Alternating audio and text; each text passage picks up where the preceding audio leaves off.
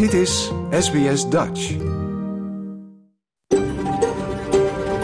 SBS, a world of difference. You're with SBS Dutch on mobile, online and on radio. Dit is SBS Dutch op mobiel, online en op radio. Graag erkennen wij de traditionele eigenaren van het land van waar we vandaag uitzenden. SBS Dutch betuigt daar respect aan de Camaragal-mensen en hun ouderlingen uit het heden en het verleden. Ook erkennen we de traditionele eigenaren van alle Aboriginal en Torres Strait Islander landen van waar u vandaag naar ons programma luistert. Hele goede. Mijn naam is Pauline Roesink. Het is woensdag 1 februari en u luistert naar SBS Dutch, het Nederlandstalige radioprogramma van SBS. In deze uitzending een gesprek met Meike de Jong, consul in Sydney en tevens verantwoordelijk voor de paspoortuitgifte in heel Australië. We praten met haar over de nieuwe paspoortbalie in Melbourne die volgende week haar deuren opent. We staan stil bij de watersnoodramp van 1953, vandaag precies 70 jaar geleden. Er is aandacht voor de Australische voetbalcoach Graham Arnold. Ook hebben we een SPS Settlement Guide voor u. Deze gaat dit keer over veiligheid op het strand. En met leesconsulente Larissa de Ru bespreken we twee prentenboeken. En aanleiding hiervoor zijn de nationale voorleesdagen die op dit moment in Nederland worden gehouden. U hoort het, een heel vol programma, want we hebben ook nog muziek. Dat allemaal, allemaal straks, maar we beginnen zoals altijd met het nieuws.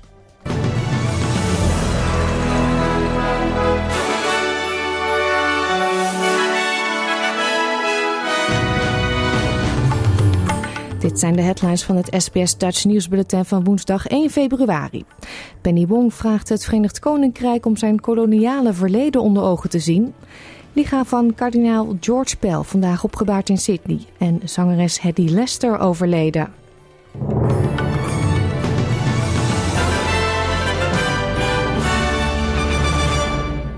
De Australische minister van Buitenlandse Zaken Penny Wong heeft het Verenigd Koninkrijk opgeroepen zijn koloniale verleden in de Indo-Pacific onder ogen te zien.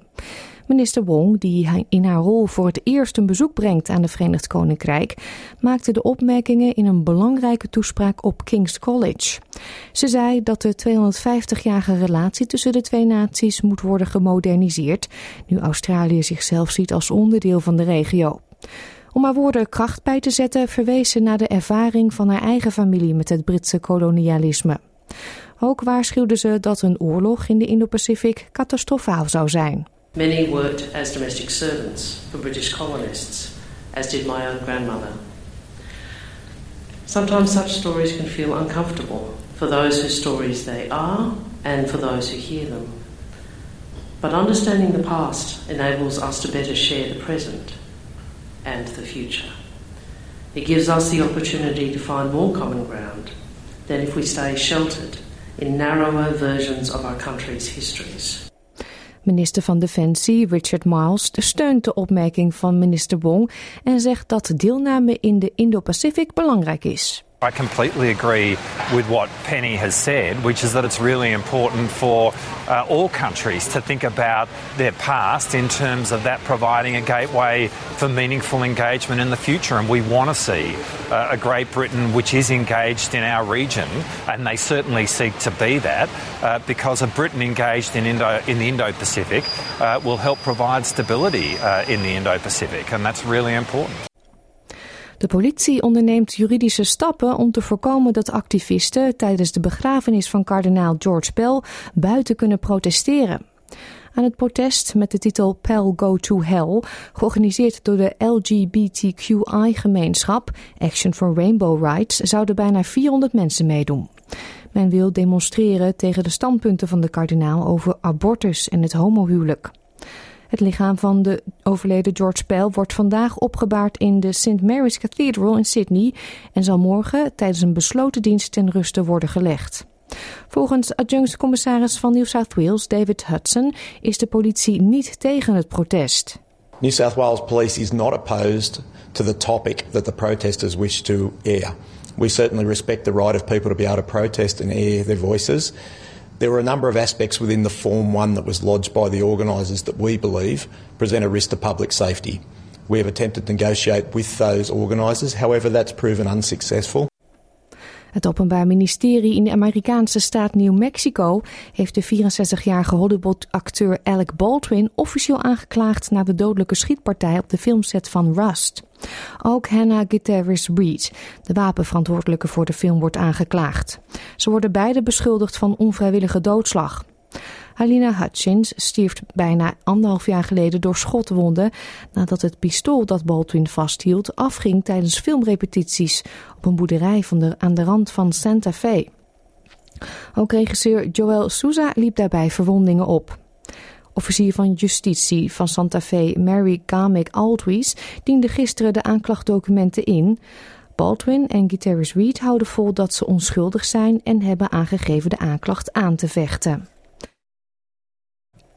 Een rapport over alcoholbeperkingen in Alice Springs zal vandaag worden overhandigd aan de federale regering. Het rapport volgt een week na de spoedbijeenkomst over de crisis die de stad in het Northern Territory momenteel in haar greep houdt. In het rapport van Dorwell Anderson, de regionale controleur van Centraal-Australië, zal naar verwachting onder meer overwegen worden of er verboden moeten worden ingevoerd. Vorige week werd er na een ontmoeting tussen premier Anthony Albanese en Northern Territory Chief Minister Natasha Files al een verbod opgelegd voor drie maanden op de verkoop van takeaway alcohol op maan- en dinsdagen. Premier Albanese zegt dat hij volledige oplossingen wil voor de problemen waarmee gemeenschappen in de NT worden geconfronteerd. Hij zegt dat alle regeringen het over een lange periode beter hadden kunnen doen op alle kwesties en beschrijft veel van de problemen als intergenerationeel. Vandaag gaat een nieuw parlementair onderzoek naar een chronisch lerarentekort, lerarentekort in New South Wales van start. Aan het begin van het nieuwe schooljaar zijn er in de staat nog steeds meer dan 3300 vacatures voor leraren. Het onderzoek onder leiding van parlementslid Mark Latham wordt op, werd al op 9 januari aangekondigd en zal kijken naar de adequaatheid van de reactie van de regering op lerarentekorten en onderwijsresultaten. Angelo Gavritalos, voorzitter van de Teachers Federation in New South Wales, beweert dat het tekort het gevolg is van onhoudbare werkdruk, lage lonen en onzekerheid in de afgelopen tien jaar. Volgens hem zal door een toenemend aantal leerlingen, vergrijzende beroepsbevolking en een daling van 30% van het aantal studenten dat leraar wil worden, het tekort verergeren. Voormalig liberaal minister Alan Touch zal vandaag getuigen voor de Royal Commission over zijn betrokkenheid bij de toezicht op Robodebt. Gisteren getuigde al zijn voormalig adviseur Rachel Miller. Touch, die tussen 2016 en 2017 minister van Human Services was, is de derde oud-minister die wordt ondervraagd in het onderzoek naar het onwettige invorderingsprogramma van Centerlink. De Robodebt-regeling, opgezet door de voormalige coalitieregering, berekende ten onrechte dat uitkeringsgerechtigden schulden hadden. Het controversiële programma vorderde onterecht meer dan 750 miljoen dollar van meer dan 380.000 mensen. Meerdere mensen pleegden als gevolg hiervan zelfmoord. Ondanks aanzienlijke juridische problemen werd er van 2015 tot 2019 gebruik gemaakt van het invorderingsprogramma. De Amerikaanse minister van Buitenlandse Zaken Anthony Blinken heeft zijn tweedaagse bezoek aan Israël en de bezette westelijke Jordaan-oever afgerond. Eerder deze week drong Blinken er bij Israël en de Palestijnen op aan om de spanningen die sinds vorige week zijn opgelopen te deescaleren.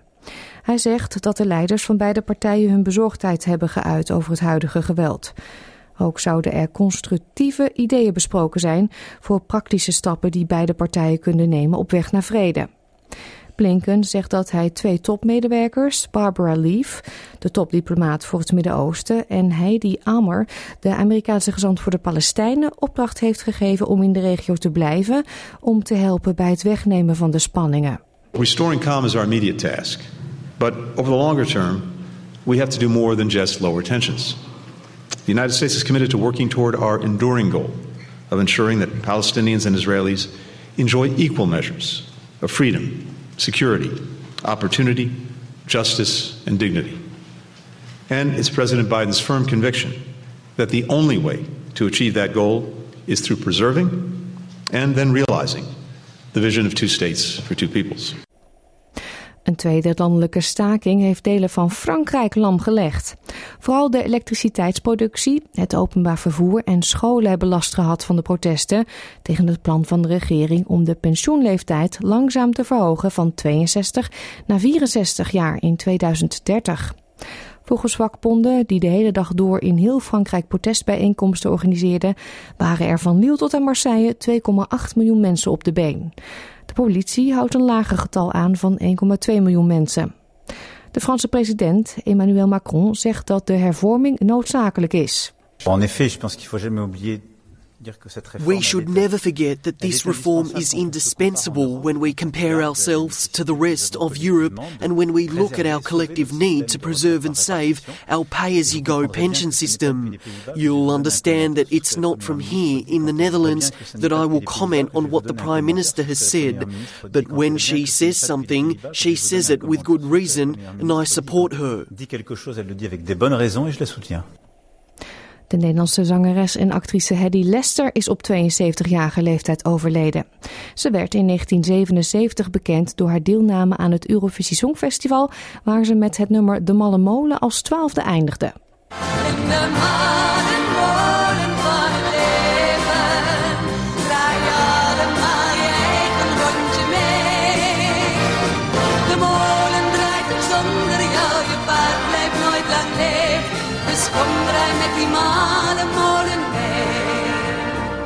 Later werd het nummer ook vertolkt door Paul de Leeuw en Humphrey Campbell. Lester, die eigenlijk Hedy Afolter heette, werd in de jaren 70 ontdekt door Ramse Shaffi, met wie ze ook optrad. Als actrice speelde ze vanaf 1987 in het theater. Ook speelde ze in 2020 een rol in de film Groeten van Gerry. Lester overleed in haar woning in Amsterdam aan de gevolgen van blaaskanker. Sport dan. Saoedi-Arabië wordt een belangrijke sponsor van de FIFA Women's World Cup in Australië. Het WK voetbal voor vrouwen gaat in juli van start en zal dus plaatsvinden in Australië en Nieuw-Zeeland. De aankondiging krijgt nu al kritiek. Tegenstanders zeggen dat de sponsoring van Saoedi-Arabië een nieuwe poging is van het land om zijn imago op te poetsen na de arrestaties van voorvechters van vrouwenrechten. De wisselkoers dan voor 1 Australische dollar krijgt u 65 eurocent en 1 euro is op dit moment 1,54 dollar waard.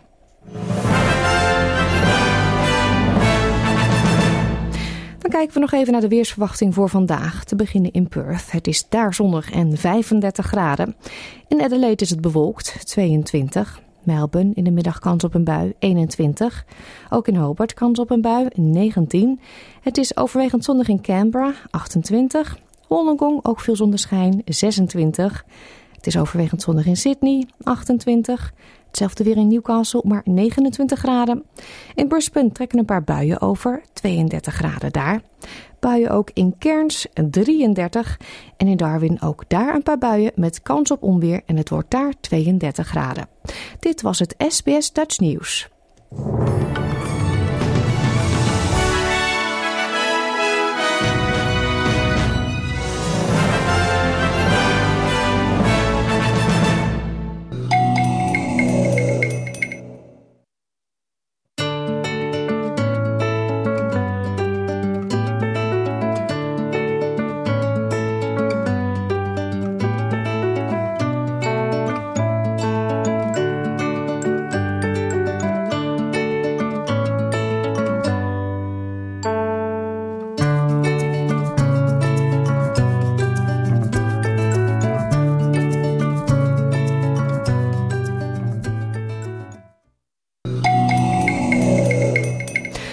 Nogmaals een goedemorgen en welkom bij SBS Dutch.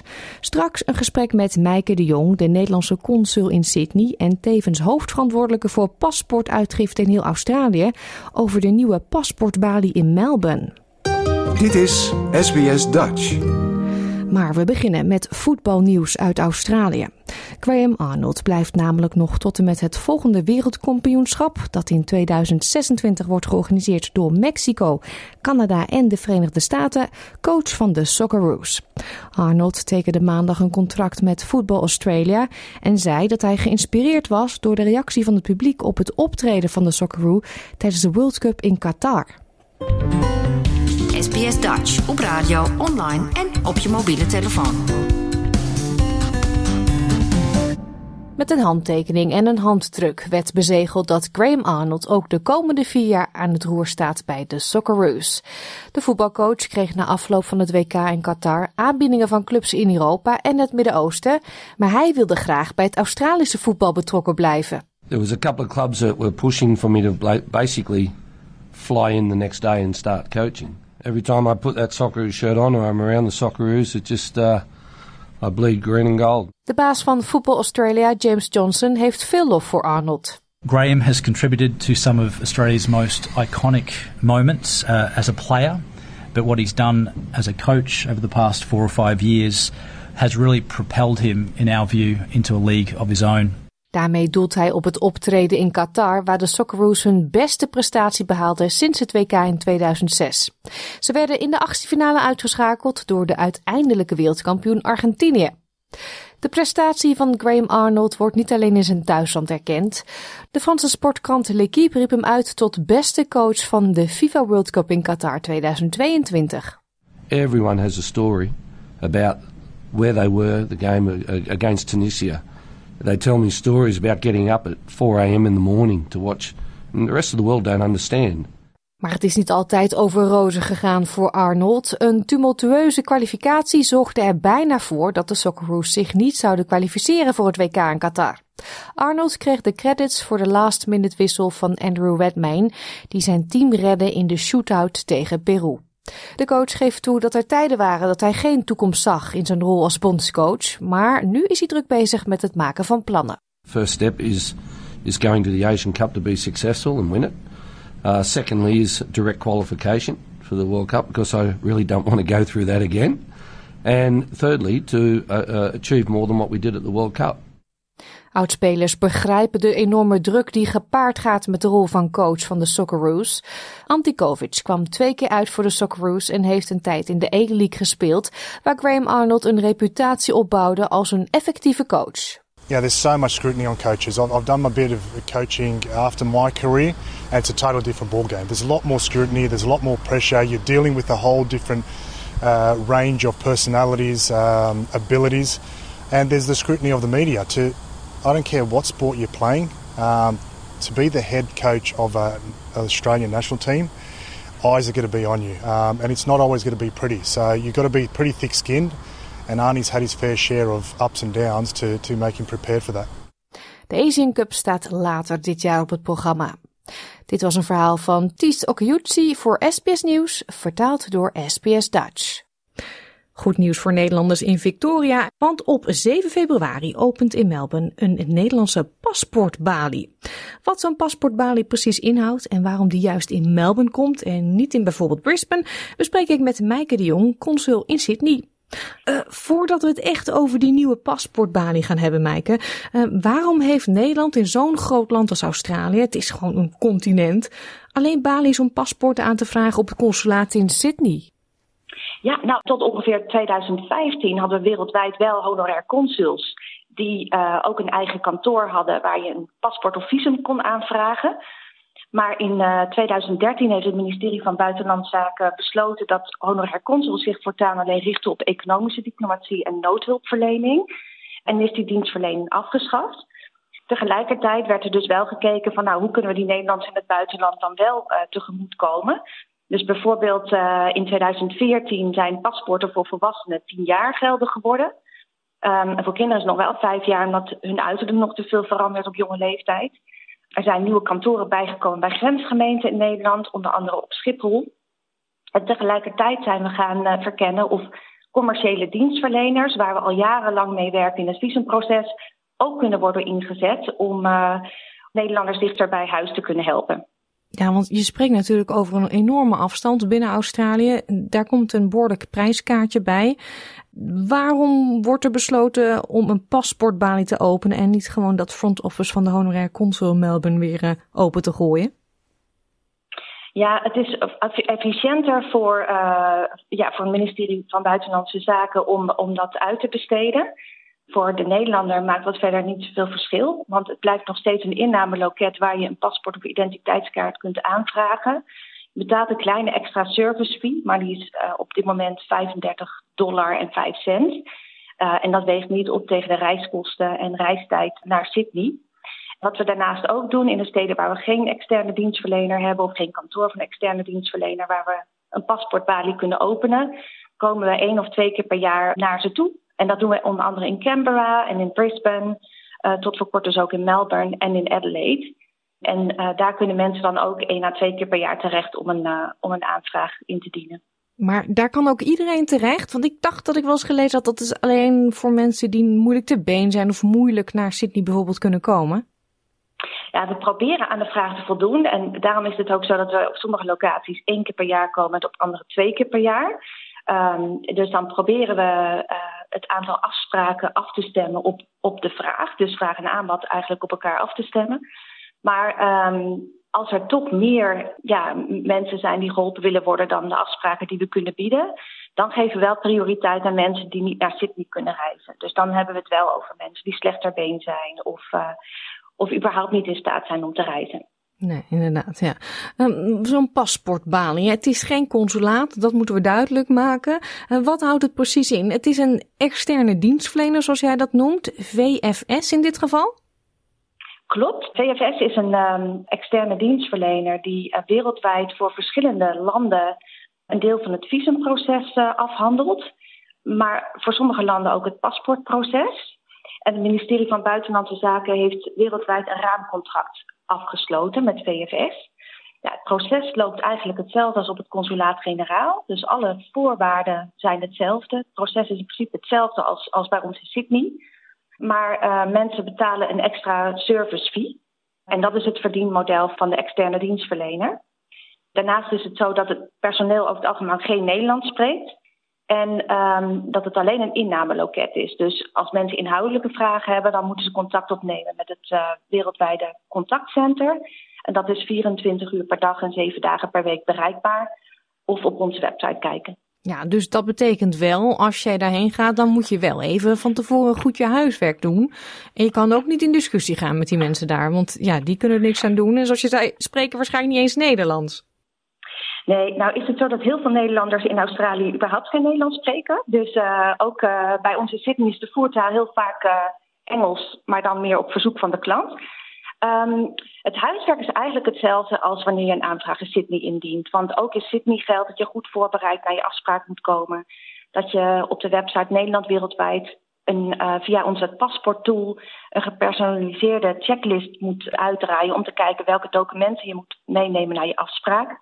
En heel belangrijk uh, zijn de foto's. Want de fotovereisten voor Nederlands paspoort wijken af van, van die van bijvoorbeeld uh, Australië. Dus wat dat betreft is dat geen verschil. Of je nou je huiswerk moet doen voor een afspraak in Sydney of een afspraak bij VFS in, uh, in Perth of Melbourne.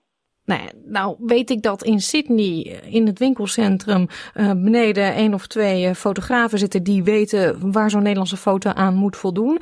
Komt in Melbourne ook zo'n hulptroep die weet hoe die foto moet?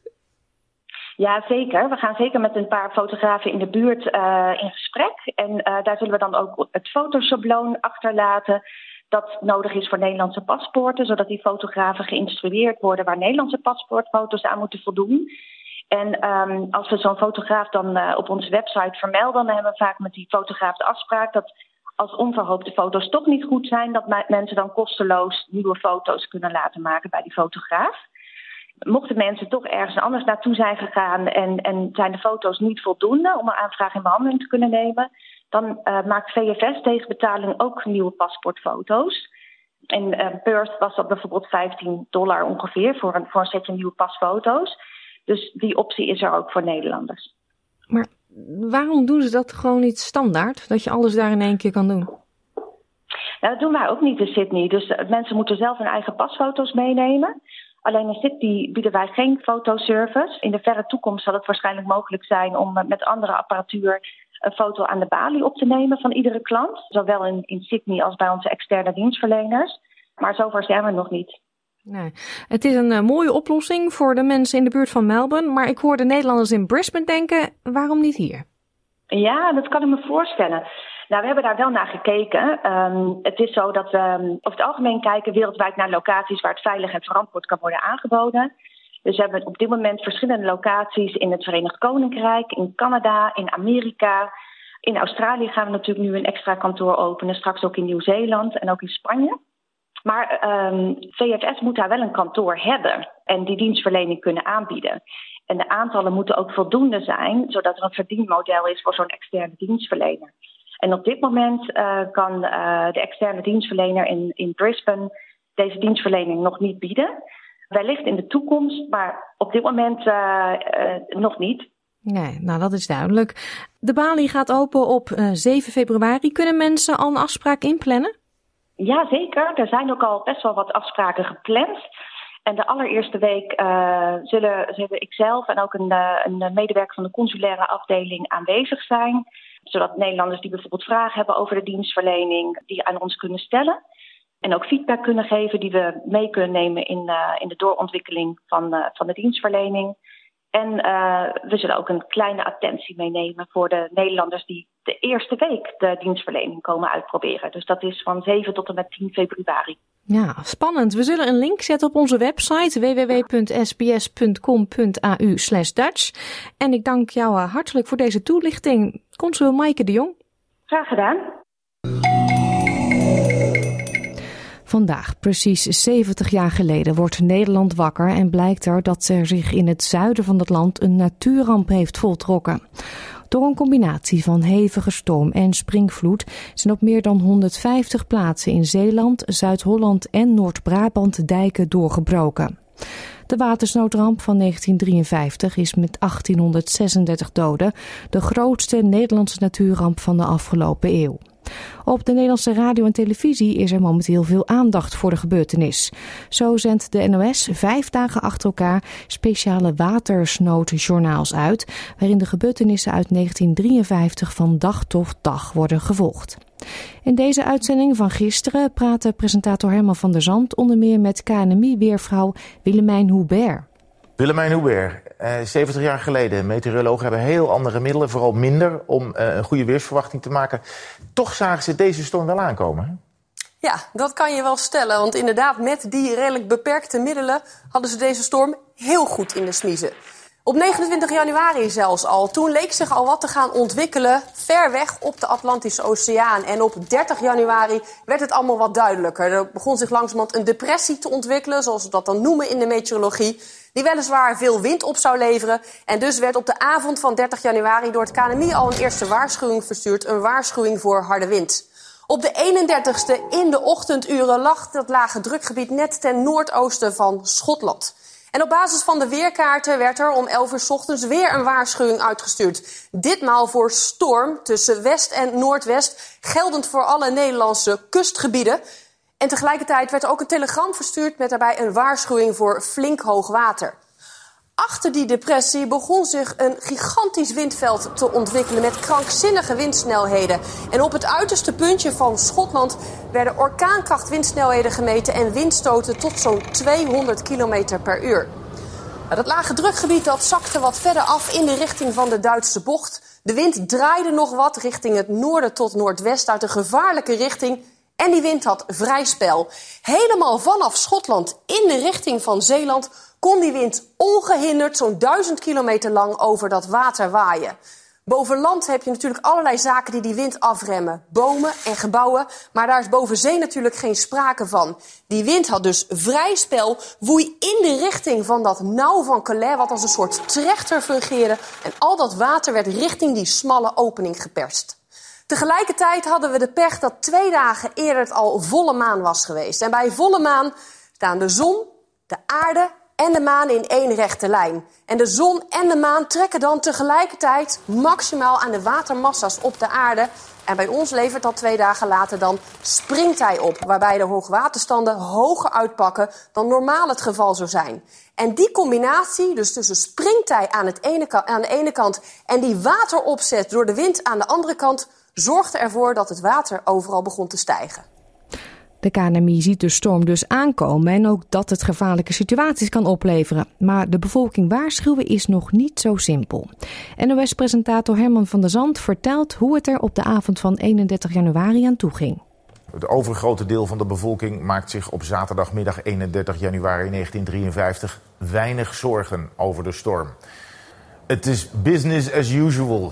Het huis is schoon en na een week hard werken, de vijfdaagse werkweek wordt pas een paar jaar later ingevoerd, is het tijd voor ontspanning, familiebezoek of een uitvoering van de toneelvereniging. In de weerkamer van het KNMI in de beeld is het die avond allerminst business as usual. Het is duidelijk dat de storm alsmaar in kracht toeneemt en gevaarlijker wordt. De weersverwachting wordt aangescherpt met nog een extra waarschuwing. Maar de enige manier om die nog breed bekend te maken is via de radionieuwsdienst verzorgd door het ANP. En die heeft s'avonds om 11 uur al zijn laatste uitzending. Om middernacht klinkt het Wilhelmus en gaan de zenders uit de lucht. Pogingen om die extra waarschuwing op zender te krijgen stranden in het struikgewas van de Hilversumse bureaucratie. Pas de volgende ochtend om 8 uur is er weer een bulletin van de Radio Nieuwsdienst. Voorlopig gaat de aandacht in het land vooral uit naar prinses Beatrix. Die is 15 geworden, dus cadeaus. En s'avonds een speciaal programma voor haar op de radio. En zo gaan we 70 jaar geleden de nacht in. Behalve de meteorologen is er maar een handjevol mensen dat de situatie niet vertrouwt.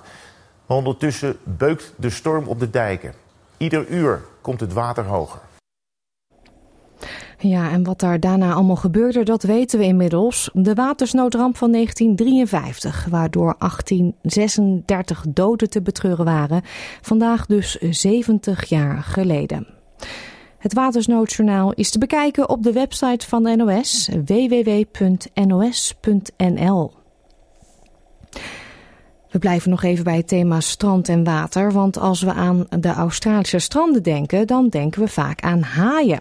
Maar de overgrote meerderheid van de haaiensoorten die rond Australië zwemt, vormt weinig of geen bedreiging voor de mens.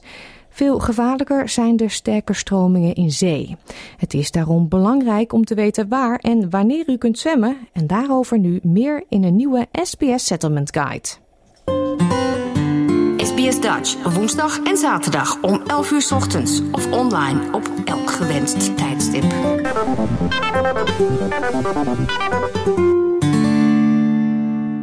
Australië heeft bijna 12.000 stranden.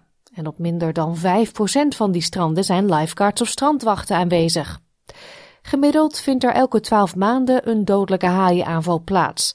Dat is niets in vergelijking met de gemiddeld 122 verdrinkingsdoden in zee in diezelfde periode. Veel hiervan zijn te wijten aan sterke stromingen. Shane Dole is de algemene directeur kustveiligheid bij Surf Life Saving Australia, kortweg SLSA.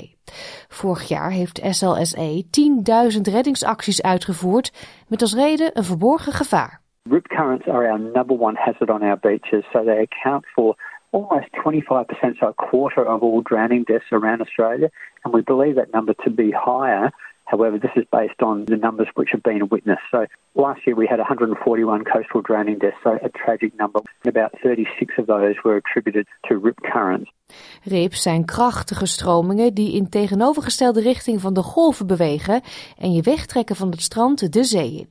En ze kunnen moeilijk te herkennen zijn, zo zegt meneer Dol.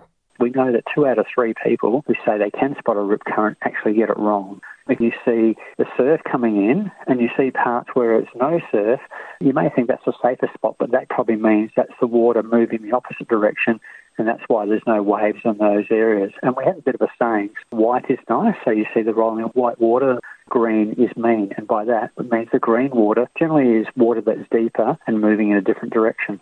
Rips kunnen dodelijk zijn. Mocht je er in een verstrikt raken, dan heeft de SLSE het volgende advies. Blijf kalm en spaar uw energie. Steek uw arm omhoog en roep om hulp. Drijf met de stroom mee. Het kan u terugbrengen naar een ondiepe zandbank of zwem evenwijdig aan het strand of richting de brekende golven om uit de stroming te ontsnappen. Maar het beste advies is volgens Shane om te zwemmen op veilige plekken. We really encourage people to think about where they're swimming, their own capacity, their own ability, and where possible, swim at a patrol beach between those red and yellow flags. 76% of drowning deaths that we had over the past 12 months actually occurred one kilometre away from a life saving service. So the key message for people is when they're heading to the beach, no matter who you are, look for a patrolled location. So the red and yellow flags signify a safe area where surf lifesavers or lifeguards are going to be patrolling that area, supervising it, and that way if you get into trouble, you know, they can help you out. In tegenstelling tot verdrinkingen in zee zijn aanvallen van haaien ongebruikelijk en sporadisch. Dr. Philippe Mar is natuurbeschermingsfunctionaris bij Taronga Conservation Society. Ze beheert de Australian Shark Incident Database, waar sinds 1800 onze interacties met haaien worden geregistreerd. Australia has the second highest number of total bites in the world. The first is the USA, and we've actually risen from an average of nine bites a year between 1990 and 2000 up to 22 bites a year from 2010 to 2020. Luckily for us, out of all those bites, it's an average of one fatality a year. Even though there seems to be increase in the number of bites, this could be attributed to things like social media. It doesn't necessarily mean that more people are being bitten. It just means that we know about it. Haaien vinden mensen nou niet echt heel erg smakelijk en ze zoeken ons dan ook zeker niet bewust op in de zee. I don't think they have the cognitive ability to discriminate between different mammals. Really, they're quite opportunistic feeders. We find in, from the data that often if a shark does bite a human, more often than not, it has that one bite and then turns away quite quickly. It's more likely that you're in the wrong place at the wrong time. And to the shark's perspective, it doesn't matter if it's a human or a seal or a turtle. In feite zijn maar weinig haaiensoorten gevaarlijk voor de mens, zo zegt Marcel Green. Hij is leider van de haaienprogramma's bij New South Wales Department of Primary Industries. There's nearly 400 species of sharks, and of those few hundred species, there's really only three species of concern to us in New South Wales. So they are the white shark, tiger shark, and bull shark. And pretty much in Western Australia, you're looking at white sharks and to a much lesser degree, tiger sharks. For very much those three species, but then they've still got 10 or 12 others on their current target list. Andere soorten bijten ons af en toe, vooral als ze worden uitgelokt. Zo kunt u per ongeluk op een tapijthaai of wobbegong stappen die op de zeebodem ligt. Deze haaien zijn relatief ongevaarlijk, vooral in vergelijking met drie andere soorten die moeilijk te voorspellen zijn en dodelijke slachtoffers kunnen maken, zo zegt Green. They're like teenage kids in some respects. Every one of them's different. Everyone behaves differently. We have what we describe as some generalized movement patterns. So we know that white sharks are what we call a cooler water species. Heavy rainfall generally drives bull sharks out of rivers. Tigers and bull sharks are what we call more of your dawn and dusk animal, even though the animal that bites us the most is the white shark, and white sharks primarily bite us during the day. In heel Australië is informatie beschikbaar, inclusief Shark Smart in New South Wales, WA en Queensland, over waar de meeste ontmoetingen plaatsvinden. De gratis Shark Smart app geeft waarschuwingen voor haaien en bewaakte strandlocaties. Ook geeft het veiligheidsadvies over wat te vermijden, zoals modderig water, zwemmen of surfen bij zonsopgang, zonsondergang en s'nachts, en surfen of zwemmen tussen aas, zo legt meneer Green uit. When you see lots of birds diving, that's a strong indication to you that there is a lot of bait fish in the water. Little fish means big fish, big fish means sharks. There's usually animals underneath the bait fish, which drives them to the surface. So that's why we put forward that message avoid swimming and surfing near or amongst bait balls. New South Wales en WA hebben twee van 's werelds sterkste haaienmitigatieplannen om strandgangers te beschermen en tegelijkertijd zo min mogelijk schade toe te brengen aan haaien. Sommige stranden zijn beschermd door middel van omheiningen, zogenaamde shark nets. Drones en helikopters zorgen voor bewaking vanuit de lucht. En als er een haai wordt waargenomen, worden strandgasten gewaarschuwd door middel van de sirene. Ook worden er shark tagging programma's gebruikt om de real-time locatie van een haai naar de Shark Smart app te sturen. Daarnaast worden servers sterk aangeraden om haaien af te schrikken door middel van devices. Maar de allerbelangrijkste veiligheidstip is volgens Shane om altijd samen met iemand te zwemmen en te surfen op een bewaakt strand. The best way you actually can find a patrol beach is visit beachsafe.org.au. That's an app which is available in about 100 different languages and will give you a whole pile of different safety tips. The key thing is if you are looking to go to a beach, swim at a patrol beach between those red and yellow flags. If you're unsure, try and check the conditions out. Deze SBS Settlement Guide werd samengesteld door Melissa Compagnoni en door SBS Dutch vertaald in het Nederlands. Ieder wordt er in Nederland de Nationale Voorleesdagen gevierd. Dit jaar begon het op 25 januari en loopt het nog door tot en met 4 februari. In een nieuwe aflevering van onze serie De Boekenhut vertelt leesconsulente Larissa Dru voor wie die voorleesdagen zijn, waarom ze in het leven geroepen zijn en ze bespreekt twee prentenboeken uit de Prentenboeken Top 10. Jouw gemeenschap, jouw gesprek, SBS Dutch. Larissa, zijn de nationale voorleesdagen jouw favoriete dagen van het jaar als uh, leesconsulent? Ja, dat kan ik natuurlijk eigenlijk niet ontkennen.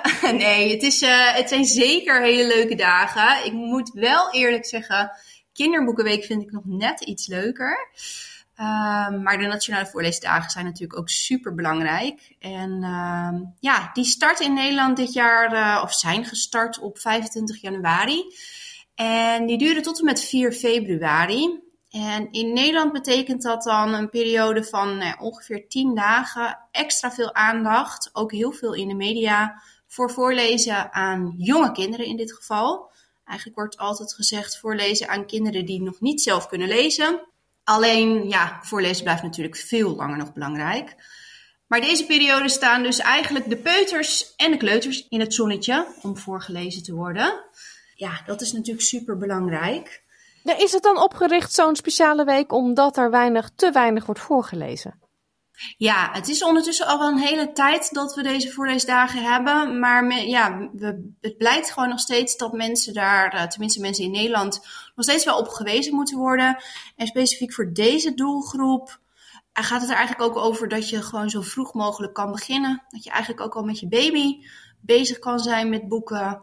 En dat het echt gewoon ja, vast onderdeel van het ritueel wordt. En wat voor voorsprong je eigenlijk hebt als je al zo vroeg start met voorlezen. Ja, dan wordt het uh, voor het kind natuurlijk normaal. En dan gaat hij er hopelijk ook om vragen. Ja, dat is wel het idee. Hè? En dan gaat het er inderdaad om dat ze dat later gewoon ook uh, blijven doen. Ik hoorde laatst van een onderzoek dat het zelfs al effect heeft als je überhaupt gewoon ergens in huis een kast met boeken hebt. Dat je dan echt ook al een voorsprong hebt ten opzichte van een huis waar helemaal geen boeken zijn. Um, de boeken gaan natuurlijk steeds meer ook digitaal, wat ook een hele mooie uitkomst kan zijn. Maar uh, ja, het hoeven maar kleine dingen te zijn. Hmm. Nou noemde jij net al de Kinderboekenweek. Daar komt altijd een speciaal boekje voor. Hè? Het Kinderboekenweek geschenk wordt daarvoor geschreven. Is er ook een speciaal boek in de voorleesweek? Ja, nou tijdens de Nationale Voorleesdagen heb je een top 10 van prentenboeken die centraal gesteld wordt. En dat doen ze eigenlijk elk jaar om gewoon boeken te highlighten die nieuw zijn uitgebracht of al een tijdje uit zijn, maar nog niet zo bekend zijn. En dat wordt eigenlijk ja, het is gewoon een, een inspiratie om eens te kijken naar andere boeken. Want je bent toch best wel geneigd om de boeken te pakken die je van vroeger nog kent. Of die uh, ook bij een ouder kind bijvoorbeeld een enorm succes zijn. Uh, maar het belangrijkste is natuurlijk dat je een boek kiest waar je gewoon heel veel plezier aan beleeft. Maar je kan daar gewoon naar kijken van, oh hé, hey, dat is er ook.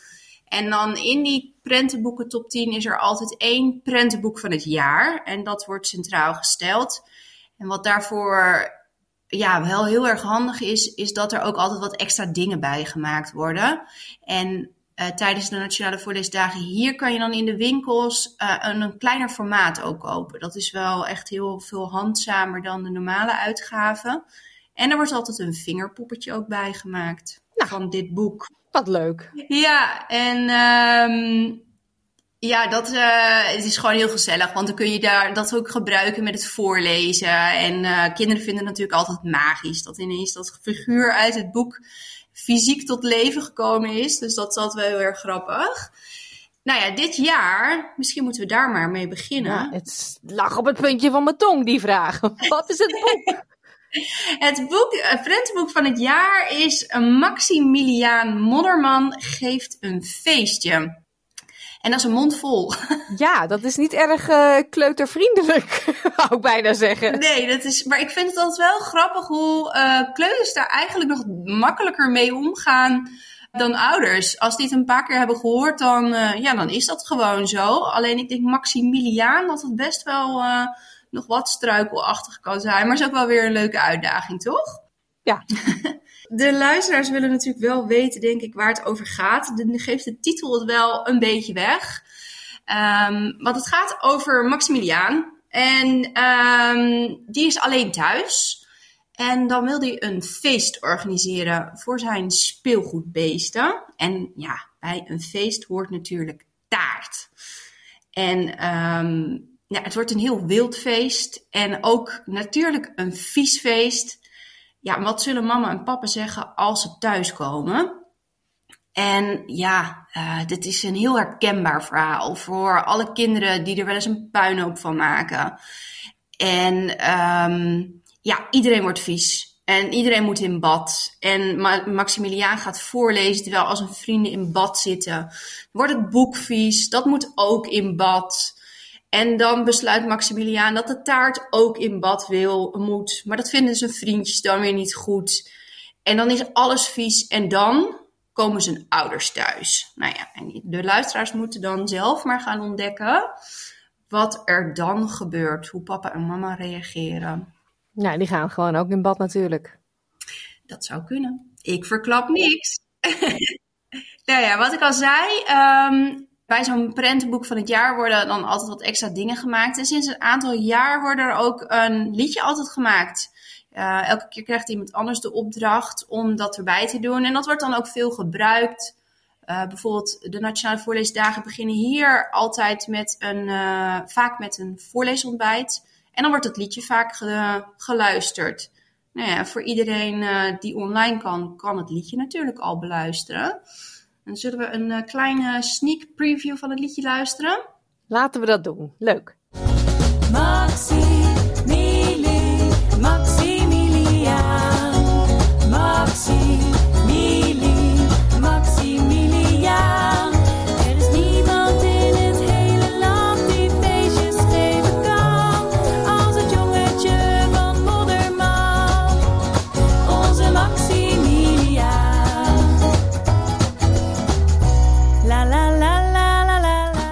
Dat is uh, swingen geblazen.